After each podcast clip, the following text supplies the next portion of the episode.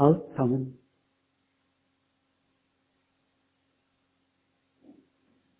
Ja, hva er det som skal skje?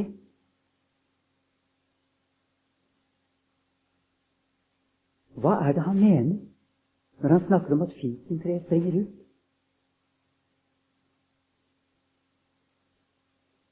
Hva er det for knopper som brister?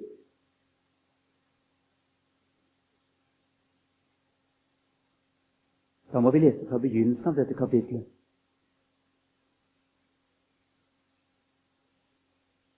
Og da noen sa om tempelet at det var prydet med fagre stener og tempelgaver, sa han dette som vi ser, de dager skal komme da det ikke skal levne sten på sten som ikke skal brytes ned. Da spurte de ham og sa, Mester, når skal da dette skje? Og hva skal tegnet være når dette skal skje? Og han sa, Se til at de ikke føres vill. For mange skal komme i mitt navn og si, Det er meg. Og tiden er nær. Gå ikke etter dem. Og når de får høre om krig og om opprør, da la eder ikke skremme. For dette må først skje, men enden kommer ikke med det samme. Da sa han til dem, folk skal reise seg mot folk, og rike mot rike. Og store jordskjelv skal det være, og hunger og sopp det her og der. Og det skal skje forferdelige og store tegn fra himmelen. Men før alt dette skjer, skal de legge hånd på eder og forfølge eder og overgi eder til synagoger og fengsler og I skal føres frem for konger og landshøvdinger for mitt navns skyld. Det skal falle ut til godt vitnesbyrd for eder. Legg eder derfor på hjertet at De ikke forut skal grunne på hvorledes De skal forsvare eder. For jeg vil gi eder munn og visdom, som alle eders motstandere ikke kan motstå og motsi. Men I skal forrådes endog av foreldre og brødre og frender og venner, og de skal volde noen av eder døden. Og I skal hates av alle for mitt navns skyld. Og ikke et hår på eders hode skal gå tapt. Vær tålmodige, så skal I vinne ede sjeler. Men når de ser Jerusalem bli kringsatt av krigsherrer, da skal de vite at dets ødeleggelse er nær. Da må de som er i Judea, fly til fjells. Og de som er inne i byen, må gå ut. Og de som er ute på landet, ikke gå inn i den. For dette er gjengjeldelsens dager, for at alt det som skrevet er, skal bli oppfylt. Men ved de fruktsommelige og dem som gir die i de dager. For stor nød skal være på jorden, og vrede over dette folk. Og de skal falle for sverd egg og føres fangne til alle folkeslag. Og Jerusalem skal ligge nedtrådt av hedninger inntil hedningenes tid er til ende. Og det skal skje tegn i sol og måne og stjerner. Og på jorden skal folkene engstes i fortvilelse når hav og brenninger bruser mens mennesker faller i avmakt av redsel og gru for det som kommer over jorderiket. For himmelens krefter skal rokkes. Og da skal de se Menneskesønnen komme i skyen med kraft og med egen herlighet. Men når dette begynner å skje, da rett eder opp og løft eders hoder, for eders forløsning stunder til. Og han sa en lignelse til dem. Se på fikentreet og alle trær. Så snart de springer ut, og I ser det, da vet De av dere selv at nå er sommeren nær. Således skal også I, når I ser dette skje, vite at Guds rike er nær. Således skal også I, når I ser dette skje, vite at Guds rike er nær. Sannelig sier jeg eder, denne slekt skal ingenlunde forgå før det skjer alt sammen. Himmel og jord skal forgå, men mine ord skal ingenlunde forgå. Men vårt er det at ikke deres hjerte noen tid tynges av rus og svir og timelige bekymringer, så hin dag kommer uventet over eder som en snare. For den skal komme over alle dem som bor over den hele jord. Men våg hver tid og stund og be, så I kan være i stand til å unnfly alt dette som skal komme, og til å bli stående for menneskesønnen. Denne teksten kalles ofte for vår Herre Jesu Kristi apokalypse, fordi han for en gangs skyld åpner fremtiden for sine disipler.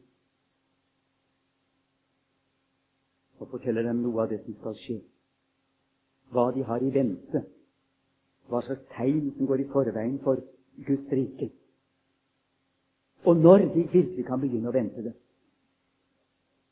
Og da merker vi oss noe merkelig han sier, som kan være vanskelig å forstå. Sannelig sier jeg eder, denne slekt skal ingenlunde forgå før det skjer alt sammen. Og Da bruker han en, en, et uttrykk som betyr 'denne generasjonen'. Den jeg står overfor nå, den jeg taler til nå, den skal ikke forgå før alt dette, før alle disse tegn er oppfylt, før det er skjedd alt sammen.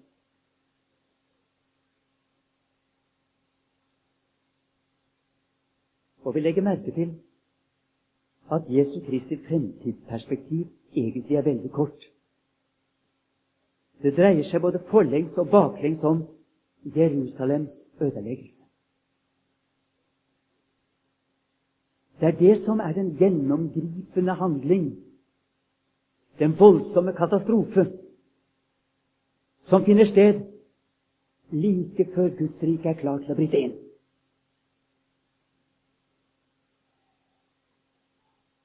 Altså, Det dreier seg bare om 40 år frem i tiden. Og vi kan si Herren sier 'de dager skal komme da', osv. Da krigsherrer skal kringsette Jerusalem. Det betyr han garanterer at verden skal stå så lenge Jerusalem står. Men etter at Jerusalem er falt, så kan verden forgå hvert øyeblikk. Det er ikke slik at Jesus har lært sine disipler at jeg kan komme igjen når som helst etter min himmelfart. Han gir dem respitt 40 år fremover, inntil Jerusalem ligger i grus. Men så vidt jeg kan se, alle disse tegn som han taler om, de er blitt oppfylt på veien frem mot Jerusalems ødeleggelse. Vi kan tenke f.eks. at disiplene lovet at de skal stilles frem for landshøvdinger og konger i rettssaler og synagoger. Ja, det er jo det apostlenes gjerninger handler om. Og apostlenes gjerninger slutter faktisk talt sånn ca. år 68-69 før Kristus, altså året før Jerusalem blir ødelagt. Der slutter Det nye testamentet.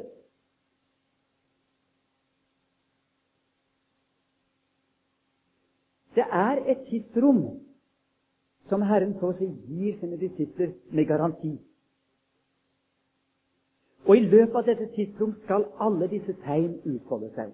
Vi vet jo også at det brøt inn både pest og trengselstider og hungerstider og forfølgelser og forræderi, slik man forteller om. Alt dette inntrådte i den apostoliske tid.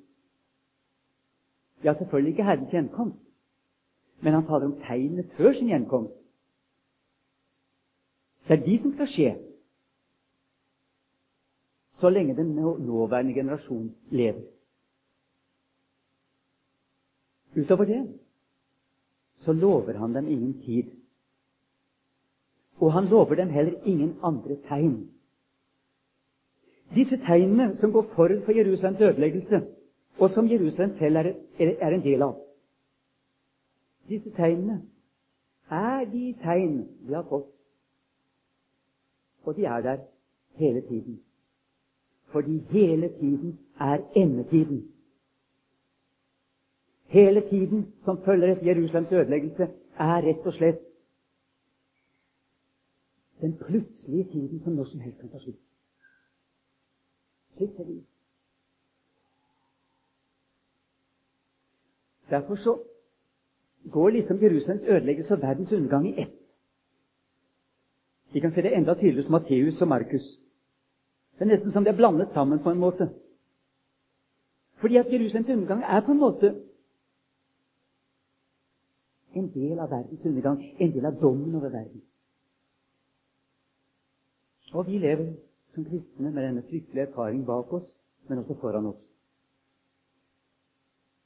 Etter Jerusalems ødeleggelse lever vi i endetiden som hvert øyeblikk kan ta slutt. Dermed så står vi overfor dette merkelige at vi vi har ikke fått noen andre tegn enn de tegn som den apostoliske generasjon fikk. Vi har ingen andre tegn å forholde oss til. Og det er noe helt naturlig. For hver eneste kristen generasjon har fått beskjed av Herren til å våke. For hvert øyeblikk kan han komme igjen. Det blir enda sterkere i Matteus-personen av, det samme, av det samme apokalypsen. Han sier fra vers 42 i kapittel 24 Matteus Våg derfor, for I vet ikke hva dag eders Herre kommer. Men det skal I vite, at dersom husbonden visste i hvilken nattevakt tyven kom, da vil han våke og ikke la noen bryte inn i sitt hus. Derfor vær også i rede, for menneskesønnen kommer i den time I ikke tenker. Og i Markus-versjonen i kapittel 13 hos evangelisten Markus. I det aller siste verset der, vers 37, der sier Herren rett ut Men det jeg sier til eder, det sier jeg til alle. Våk! Men det store, avgjørende tegn er og blir Jerusalems ødeleggelse. Fra da av henger hele verdens eksistens så si en tro. Utover dette sier Herren ingenting om fremtiden, utover det som skal skje når Han selv virkelig kommer igjen. Det er ganske sterkt. Og der ligger Jerusalem ennå. som et skall uten kjerne. For det er først og fremst tempelets ødeleggelse det er snakk om. Ligger der som et tegn på at vi enda lever i den plutselige endetiden. Så kan vi spørre har vi ikke andre tegn? som klarere kan fortelle oss hvor langt Guds klokke er kommet? Er vi nødt til å leve i denne plutseligheten? Er vi nødt til å leve slik at vi hver eneste natt må være forberedt på at plutselig kan anskriket komme, og vi må stå opp med tente lamper? Fins det ikke en historisk klokke å, å se på? Fikentreet kan ikke det også være Israel? Det store som nå finner sted. At dette folket som gjennom Jerusalems ødeleggelse blir spredt utover hele verden, nå vender tilbake. Samles inn fiskes av fiskere og jages av jegere fra alle land i verden. Og hvorfor sier ikke Jesus noe om dette? Hvorfor finner vi ikke et ord om det i de apostoliske skriftene?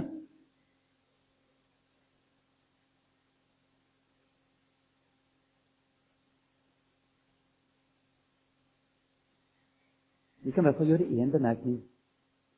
Og det er det at da de apostolske skriftene ble skrevet, og da Jesus sto midt i sitt folk og forkynte, da var ingenting av dette enda skjedd. Folket var fremdeles i sitt land.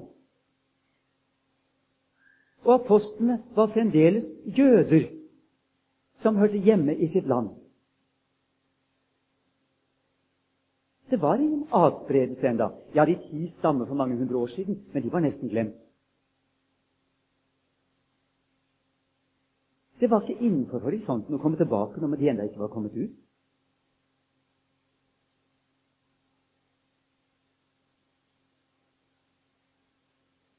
Det er først gjennom denne apokalypsen som vi nettopp har lest, at vi får en antydning om noe annet. At historien tar en annen ansats. Og det står her også at de skal bli spredt som fanger blant alle folkeslag. En antydning, men ikke mer.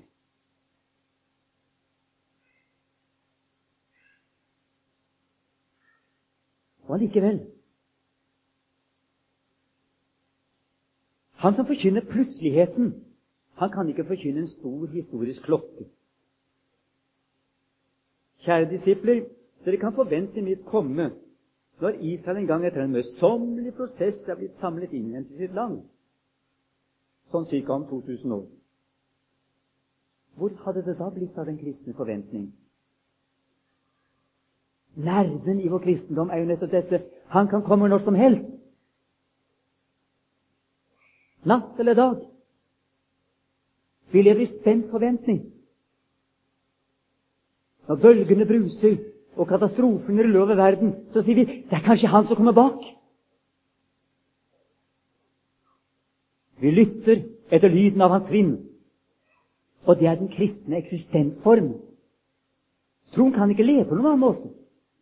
Troen lever alltid i den siste tid. Ellers lever den ikke. Dommedag er en dag som kommer dagen etter min rettferdiggjørelse.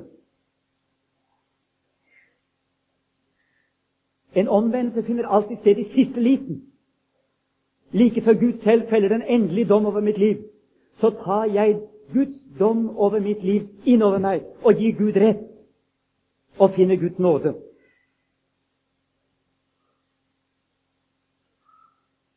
Men etter Jerusalems ødeleggelse så fins det ingen historiske garantier for at det skal vare en stund til. Det må vi holde fast Og allikevel Gud er fremdeles historiens Gud.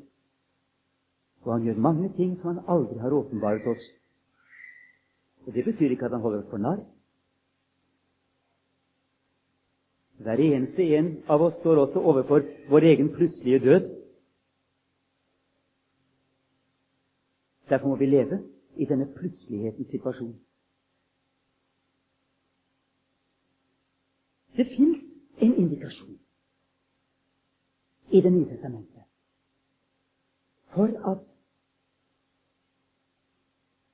dette med folket som skal vende tilbake, også hører med til vår tro, men så i skjult under vår bønn.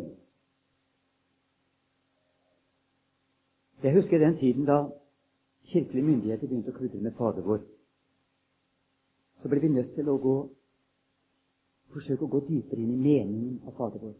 Og særlig var det den første bønnen, da. Helliget våre ditt navn. Hvor kunne den liksom ha sin ro i Skriften? Hva, hva betød det egentlig? Hva, hva, var det for en slags bønn? Ja, var det overhodet en bønn? Var det kanskje bare en akklamasjon? Jeg skal komme tilbake til det ordet, hva det betyr. Og så ble vi oppmerksom på noe som vi burde vært oppmerksom på for lenge siden, selvfølgelig, og tatt alvorlig.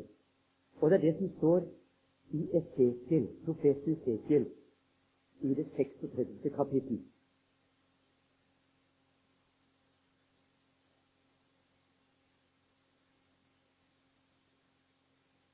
Hele kapittelet burde vi ha lest. Men la oss nå lese fra vers 17. Det kan være at nå går det lys opp for oss og vi plutselig lærer å se vår kristne barnebønn i lys av noe som kanskje holder på å skje nettopp i vår egen tid. Fra vers 16 til sikkert 36. Og Herrens ord kom til meg, og det lød så. Menneskesønn, Israels hus bodde i sitt land, og de gjorde seg urent ved sin ferd og sine gjerninger. Som en kvinnes månedlige urenhet var deres rettferd som ditt åsyn. Da utøste jeg min harm over dem for det blods skyld som de hadde utøst over landet, og fordi de hadde gjort det urent med sine motbydelige avguder. Og jeg spredte dem blant folkene, og de ble strødd omkring i landene. Etter deres ferd og deres gjerninger dømte jeg dem. Og da de kom til de folk som de kom til, vanhelliget i mitt hellige navn. Og det ble sagt om dem, dette er Herrens folk, og allikevel måtte de dra ut av hans land. Da ynkedes jeg over mitt hellige navn, som Israels hus hadde vanhelliget blant de folk de var kommet til. Derfor skal du si til Israels hus, så sier Herren Israels Gud, ikke for eders skyld, Israels hus gjør jeg det, men for mitt hellige navns skyld, som I har vanhelliget blant de folk som jeg er kommet til. Jeg vil hellige mitt store navn, som er blitt vanhelliget blant folkene, det som I har vanhelliget blant dem. Og folkene skal kjenne at jeg er Herren sier Herren, Israels Gud, når jeg helliger meg på eder for eders øyne.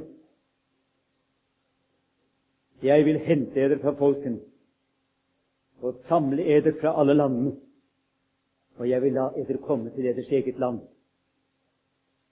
Og jeg vil sprenge rent vann på eder, og I skal bli rene. Fra alle eders urenheter og fra alle eders motbydelige avguder vil jeg rense eder. Jeg vil gi eder et nytt hjerte, og en ny ånd vil jeg gi innen i eder. Og jeg vil ta bort steinhjertet av deres kjøtt og gi eder et kjøtthjerte. Min ånd vil jeg gi innen i eder, og jeg vil gjøre at de følger mine bud og holder mine lover og gjør etter dem. De skal bo i det land jeg gav eders fedre, og de skal være mitt folk, og jeg vil være eders Gud. Jeg vil fri eder fra alle eders urenheter, og jeg vil kalle på kornet og gjøre det tollrikt, og ikke la hungersnød komme over eder. Jeg vil mangfoldig gjøre trærnes frukt og markens grøde, så ikke mer for hungers skyld skal lide hån blant hedningefolkene. Da skal de komme i hu deres onde ferd og deres gjerninger som ikke var gode. De skal vemmes ved dere selv for deres misgjerninger og deres vederstyggeligheter. Ikke for eders skyld det, sier Herren, Israels Gud, det skal de vite. Blues og skam eder over eders Herre, Israels hus. Her har vi løftene. Herren sier, 'Jeg vil hellige mitt store navn', og vi roper, 'Ja, helliget vorde ditt navn'. Jeg vil åpne mitt land for dere.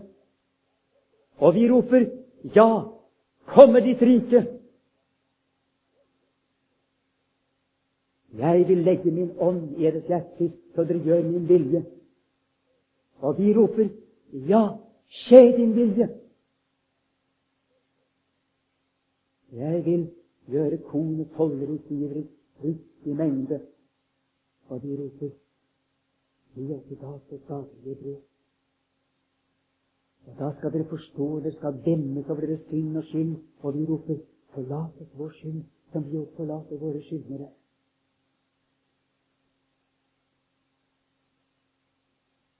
Det er i hvert fall en I denne teksten så ligger det i hvert fall en stor utfordring til å, til å lese Fader vår ut av den.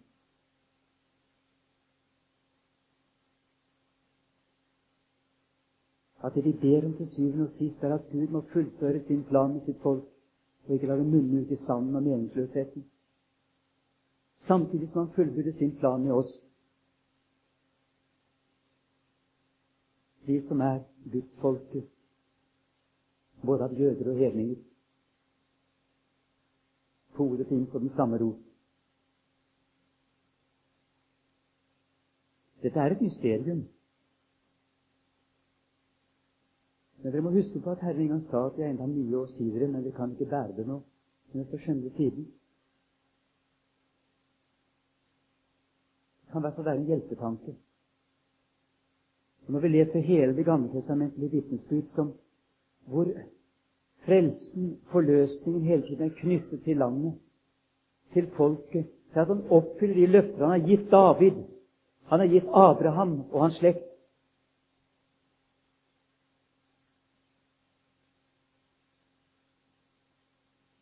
Så er det veldig vanskelig å komme utenom det som skjer i dag. Som nok et tegn på at vi lever i umiddelbar endetid.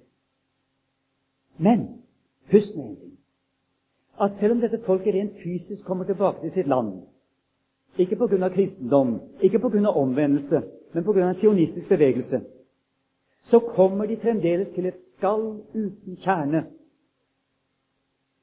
Det kan tenkes at en jøde som sitter i New York eller i Moskva, har en følelse av at 'nå må jeg reise hjem'. Men når han kommer hjem, så er han ikke hjemme.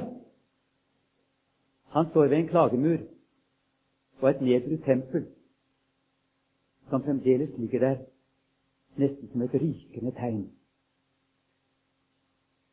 på Guds vredesdom.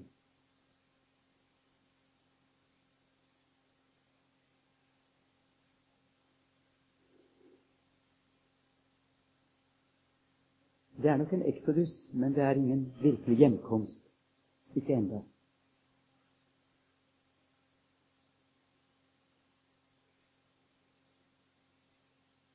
Man kan på en måte si det at en jøde som sitter i New York eller Moskva. Han kan ha forestilling om neste år i Jerusalem. Men når han kommer til Jerusalem, da møter han veggen. For han kommer ikke videre. Han kommer ikke dit han skulle for å feire påske. Det fins ikke én jøde som i dag kan feire påskemåltidet. Verken i utlandet eller i Jerusalem.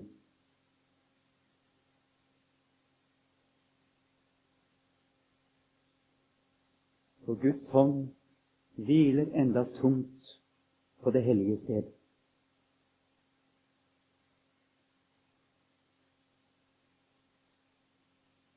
Men så er det også kanskje en fiksjon. En jøde som vender seg mot vestmuren, er kanskje å sammenligne med Lots hustru som ser seg tilbake.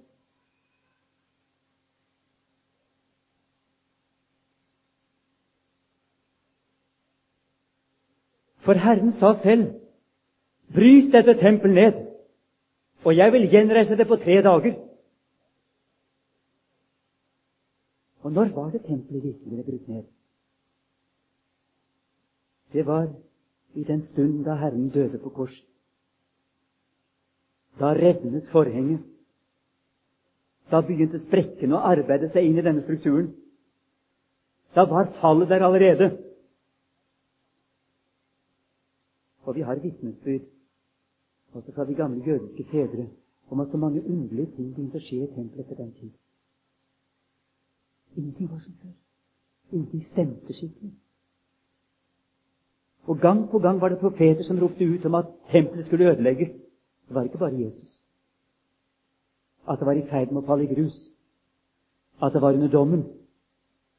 Men Jesus sa ja, bryt dette tempelet ned og jeg skal gjenreise det på tre dager. Og han talte om sitt legemes tempel.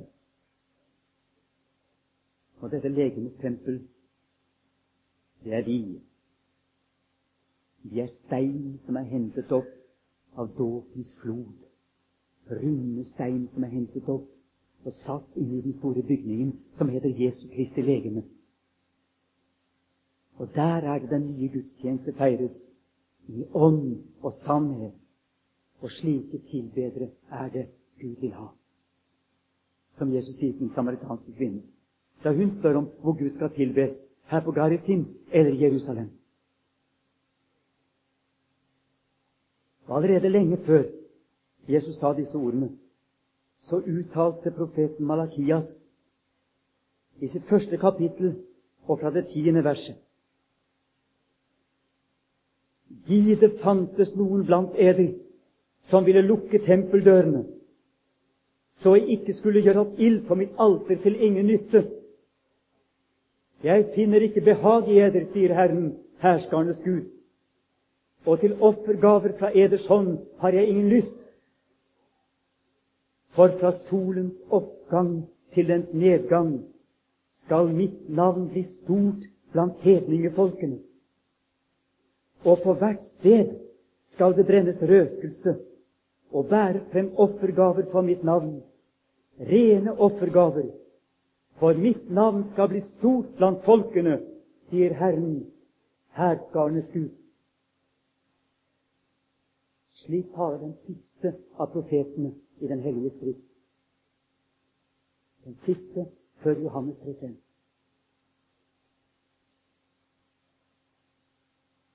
Og Derfor måtte det gamle tempel falle i grus. Det ble brutt ned sammen med Jesu legeme.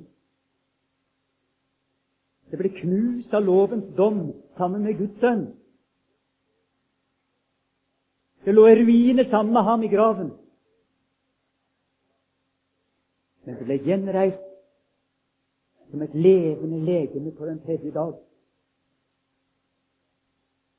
Grunnstenen ble lagt utenfor graven i Jerusalem, men det spredte seg utover hele verden, og på ethvert sted brennes det røkelse.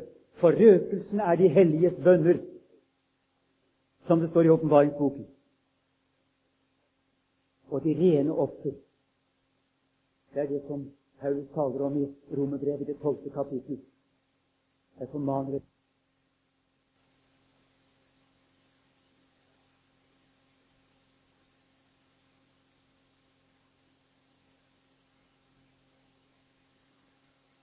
dømt og slaktet av lovens sannhet om oss, og reist opp igjen av Guds nåde, overgitt til Gud som levende, hellige, velbehagelige ofre. Mennesker som hører ham til, og som lever i den plutselige forventning. Og i forventningen om at det hellige, sanne Jerusalem skal stige ned fra himmelen brud. I denne endetid som dette tempel av levende stener,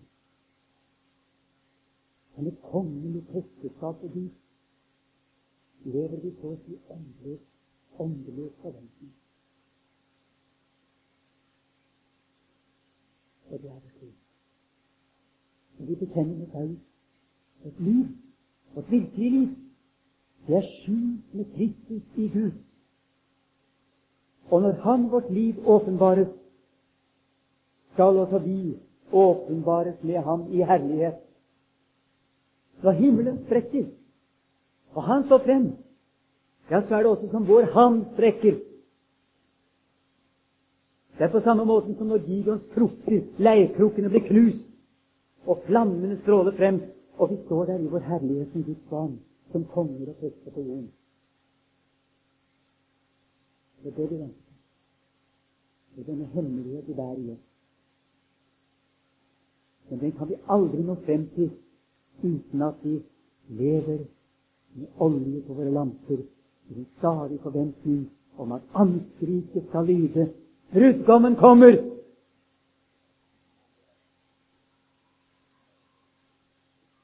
I denne situasjonen er det vi driver misjon. Enda vi vet ikke en dag foran oss. Vi vet ikke om Gud kan gjøre alle våre planer til skamme i morgen. Men det er dette som samtidig er misjonens nerve. Vi er kalt til å være husholdere over hans hemmeligheter. Og ved den husholder som sier at Herren dryger med å komme, og begynner å innrette seg i huset, som om det er hans hus.